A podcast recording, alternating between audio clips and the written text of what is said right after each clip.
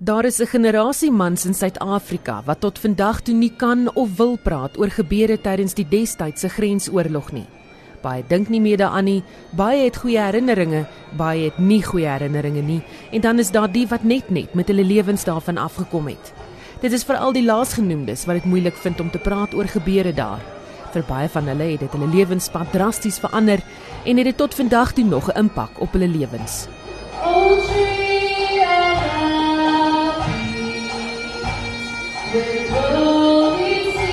Die Honoris Crux dapperheidsmedalje verwys na spesifieke militêre toekenninge.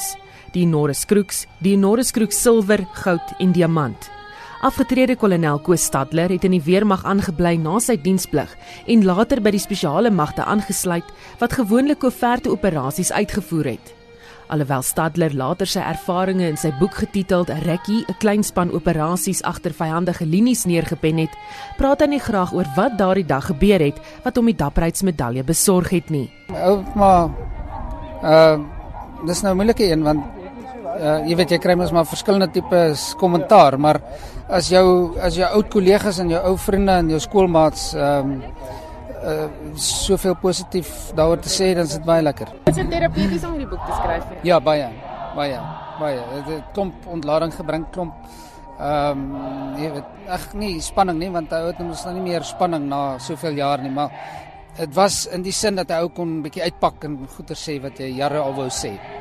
Henny Leroux se boerbokteler van die Noord-Kaap en selfs hy vind dit steeds moeilik om oor die gebeure daardie dag in Maart 1983 te praat maar dit het gewis 'n blywende impak op sy lewe gehad. Dit is nou al meer as 30 jaar sedert die gebeurtenis en steeds sien hy nie kans om daaroor te praat nie. Geen soldaat vra om so iets te gaan doen of ek gaan vandag uit om dit te doen nie. En dan te sê ek wil 'n medalje of 'n dekorasie ooit daaroor kry nie. So Wanneer so iets gebeur, dan skop jou jou opleiding en dan skop daar 'n instink ook in wat wat jy nie vir iemand ehm um, iemand kan beskryf hoe dit hoe dit kan gebeur. Dit gebeur net. En ek was op daai oomblik was jy in 'n situasie gewees en ek het gedoen wat teen my wat teen wat teen teen jou denke is wat jy weet jy's besig. Jy weet jy weet daar is iets wat nog nie reg is nie. Maar hoe sal jy met jouself kan saamlewe as jy so ou wat besig is om dood te gaan sou gelos het? Dan neem dan glo jy, daar's 'n geloof dan wat sê vir jou jy sal gehelp word daardeur. Om agterna dan 'n toekenning te kry.